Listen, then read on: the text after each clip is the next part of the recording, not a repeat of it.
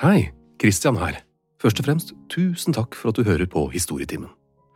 Det å lage disse episodene tar veldig mye tid, og hittil så har jeg jo bare kunnet gjøre dette her på fritiden og i helger og på kvelder.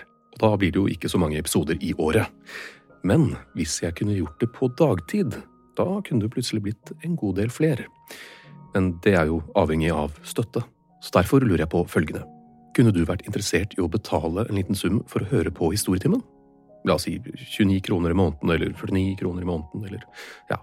Svaret skriver du rett i Spotify-spilleren din hvis du bruker Spotify, og hvis du bruker en eller annen spiller, så send gjerne en mail til hei at gjenklangstudio.no med svaret ditt. Hei at gjenklangstudio.no. Sånn, da er det bare å starte episoden. Igjen, tusen takk.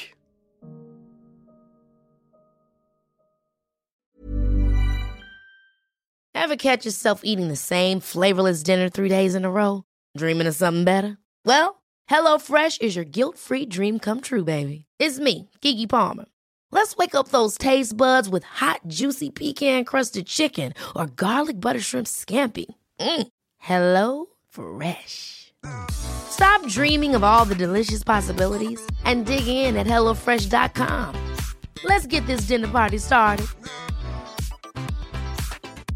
Hiring for your small business? If you're not looking for professionals on LinkedIn, you're looking in the wrong place. That's like looking for your car keys in a fish tank. LinkedIn helps you hire professionals you can't find anywhere else, even those who aren't actively searching for a new job but might be open to the perfect role. In a given month, over 70% of LinkedIn users don't even visit other leading job sites. So start looking in the right place. With LinkedIn, you can hire professionals like a professional. Post your free job on linkedin.com slash achieve today. Millions of people have lost weight with personalized plans from Noom. Like Evan, who can't stand salads and still lost 50 pounds. Salads, generally, for most people, are the easy button, right? For me, that wasn't an option. I never really was a salad guy. That's just not who I am. But Noom worked for me. Get your personalized plan today at Noom.com. Real Noom user compensated to provide their story. In four weeks, the typical Noom user can expect to lose one to two pounds per week. Individual results may vary.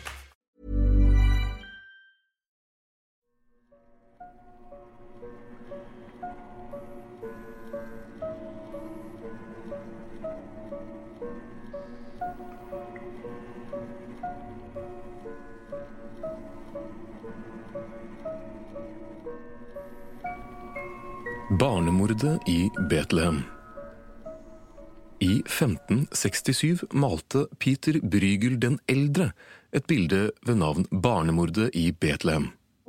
En ganske dyster tittel lånt fra en scene i Bibelen. I denne scenen blir kong Herod fortalt at han vil miste tronen sin til en nyfødt konge over jødene. Jepp, vi snakker om Jesus. Dermed beordrer han alle barn under to år drept sånn for sikkerhets skyld. Men på 1500-tallet var det strengt tatt veldig vanlig å male religiøse motiver, så dette bildet kan da ikke være stort å heve øyenbrynene over? Eller Hvis man ser på bildet, ser man først og fremst at settingen er flyttet fra Palestina til datidens Nederland, Brygels hjemland. Ved første øyekast viser bildet en landsby satt i et snødekt, vakkert vinterlandskap, med fugler som sirkler i himmelen over. Og en gjeng soldater som plager de lokale landsbyboerne ved å stjele mat, drepe husdyr og generelt være godt over gjennomsnittlig utrivelige. Og det er jo nokså bibelsk, det, for all del, men ikke helt kong Herod-materiale. Men hvis man ser nøye etter og fokuserer på detaljene, så er det noe som ikke helt stemmer. Bøndenes reaksjoner og ansiktsuttrykk, som varierer fra raseri og desperasjon til bunnløs fortvilelse, står ikke helt til soldatenes handlinger. Og apropos handlinger, hvorfor føler soldatene at de absolutt må angripe de lokale endene? Og knivstikke kjøkkeninventaret til gråtende landsbyboere? Og hvorfor i alle dager sitter en dame og titter ned på et bedre utvalg ost og skinke og gråter som om hun skulle ha mistet det mest dyrebare i hele verden? Glemte hun vin og kjeks, eller Så, la oss gå tilbake til Brygels Nederland. Dette var Martin Luthers tid, han som spikret opp tesene sine på en kirkedør i Wittenberg. Hans protest førte til reformasjonen, som blåste gjennom Europa med hastigheten og vennligheten til en skogsbrann. Reformasjonen delte land og samfunn i to over natten, og satte naboer, venner og familier opp mot hverandre. Med katolikkene på den ene siden og ulike protestantiske bevegelser på den andre, var det ikke den mest fredfulle perioden i historien, altså. Og minst av alt i Nederland. I årevis hadde den katolske kirke gått på skandale etter skandale. Det var korrupsjon, maktmisbruk og inkompetanse satt i system. Til moderne sammenligning, de var verre enn Fifa. Alle visste hvor ille det sto til, men systemet var for stort og inngrodd til å gjøres noe med. I landene rundt Middelhavet hadde kirken fortsatt stor oppslutning, mens det i Nord-Europa, og spesielt da i storbyene, var stor misnøye. I urbane Nederland hadde store deler av befolkningen konvertert til kalvinismen, en av de protestantiske bevegelsene, og kalvinistene mente blant annet at paven ikke skulle være top dog.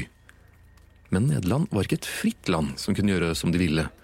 De var nemlig underlagt det habsburgske riket. Ganske vanskelig å uttale. Og det habsburgske riket var da igjen underlagt den hellige romerske keiseren Karl 5. Og han var ikke en fan av reformasjonen. På 1500-tallet blomstret Nederland økonomisk, og habsburgerne hadde lenge vært helt komfortable med å lene seg tilbake, gi nederlenderne litt lokalt selvstyre og rake inn store deler av profitten. Men da reformasjonen kom, skapte det ønsker om religiøs frihet, og da ble de stressa. For etter religiøs frihet følger fort tanken om politisk frihet, og det var en gnist de ikke kunne la ligge og olme. Nå var ikke Karl 5. bare keiser for Det hellige romerske riket, men også konge over Italia, Spania, Tyskland og Nederland. Sagt på en annen måte, han eide mesteparten av Europa. Konger hadde litt mer å si på den tiden enn å vinke litt rart til folk som de gjør nå. Han begynte også å trekke litt på årene, og med gradvis pensjon i bakhodet sa han fra seg kontrollen over Spania og Nederland, og ga de til sin sønn Philip 2. Philip var om mulig en enda større motstander av de protestantiske reformene som pågikk, enn sin far, og gjeninnførte et strengt katolsk regime i sine nyervervede land. Et regime der kjetteri, altså å vike fra den katolske tro, var en forbrytelse som medførte dødsstraff. Philip trodde ikke de kjetterske barbarene som hadde mistet sin vei, bare ville beklage og gå tilbake til den rette tro sånn uten videre, så han gjeninnførte like så godt inkvisisjon i Nederland, sånn for å hjelpe dem litt på vei. Hans far hadde i sin tid innført det som en forgrening av den spanske. Men Philip følte seg truet av kalvinismens eksplosive vekst, og det ble nå strengt ulovlig å følge en annen religion enn den katolske, selv i private hjem. Det som var spesielt med inkvisisjonen, var at den trumfet alle andre lover og domstoler, og kunne arrestere, torturere og henrette som den ville. Folk ble dratt ut av hjemmene sine og brent på bålet hvis det var menn, begravd levende hvis det var kvinner. I 43 år pågikk dette. 43 år med terror. Og 1300 mennesker er dokumentert som brent eller levende begravd. Det finnes ikke tall på de som bare ble arrestert og torturert før de ble løslatt. Akkurat som Herod sendte Philip sine soldater ut mot befolkningen, koste hva det koste vil, og i 1567 sendte han 10 000 soldater til Nederland for å slå ned de ugudstyrkende nederlenderne som hadde sett seg lei og nå begynte å gjøre opprør. Året etter dømte den katolske kirken like så godt hele Nederlands befolkning til døden for kjetteri. Denne konflikten utviklet seg til å bli en krig som skulle vare i 80 år. Men hva i alle dager har dette her med bildet til Brygel å gjøre? Jo, fordi det var dette Brygel følte. Undertrykkelse, frykt, hjelpeløshet.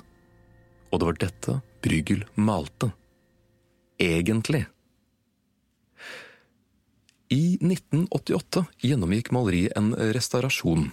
Under slike behandlinger er det viktig at de som utfører behandlingen, har så mye informasjon om bildet som overhodet mulig, og da kan røntgen noen ganger tas i bruk.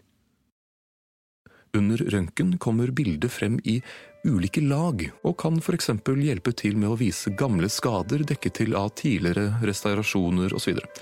Men de hadde neppe forventet hva som skulle vise seg for dem denne gangen. Foran dem sto et bilde som hadde vært skjult i 411 år. Ja, om ikke skjult, så i hvert fall tungt sensurert. Flere steder hadde bildet fått seg et ekstra strøk maling. Og under det øverste laget så man veldig mange døde mennesker. Lik lå strødd omkring på bakken. Man så soldater malt i Philip 2.s spanske hærs farger som sparker inn dører, Tyske leiesoldater som dreper spedbarn mens de fortsatt er i foreldrenes armer. Soldater som stikker spydene sine inn i en stabel av barn for å forsikre seg om at de er døde. En mor og far som desperat prøver å overtale en soldat til å ta datteren deres og ikke sønnen. For mister de sønnen, har de ingen til å ta vare på seg i alderdommen og vil selv gå en sakte død i møte. Så hva var under osten og skinken? Et dødt spedbarn. Vasene og pottene? døde spedbarn. Endene barn, barn, barn. Tittelen på maleriet passer perfekt.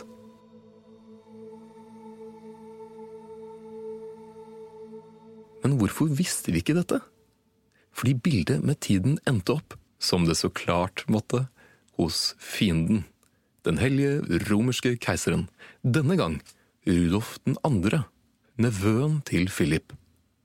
Og det var nok ikke topp stemning da keiseren så bildet. Det satt ikke akkurat slekten hans i særlig godt lys. Men han syntes allikevel det var så utrolig vakkert at han ikke kunne få seg selv til å brenne det. Bildet var jo malt av den store maleren Brygel. Til sammenligning så skal det litt til før du kaster et Munch-maleri bare fordi det provoserer deg.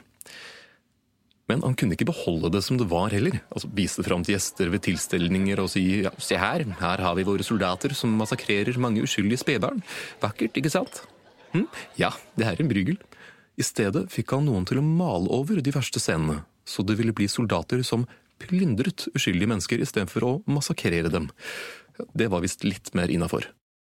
Derav soldatenes intense hat overfor den lokale faunaen og diverse kjøkkeninvitar. Og slik forble det gjemt. I 411 år.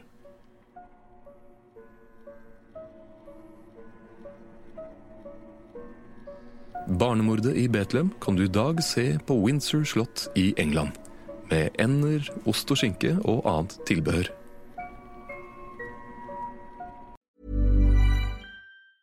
Hey, it's Danny Pellegrino from Everything Iconic. Ready to upgrade your style game without blowing your budget? Check out Quince. They've got all the good stuff shirts and polos, activewear, and fine leather goods, all at 50 to 80% less than other high end brands. And the best part? They're all about safe, ethical, and responsible manufacturing. Get that luxury vibe without the luxury price tag. Hit up quince.com slash upgrade for free shipping and 365 day returns on your next order. That's quince.com slash upgrade. Ever catch yourself eating the same flavorless dinner three days in a row? Dreaming of something better? Well, HelloFresh is your guilt free dream come true, baby. It's me, Kiki Palmer. Let's wake up those taste buds with hot, juicy pecan crusted chicken or garlic butter shrimp scampi. Mm. Hello Fresh. Stop dreaming of all the delicious possibilities and dig in at HelloFresh.com. Let's get this dinner party started.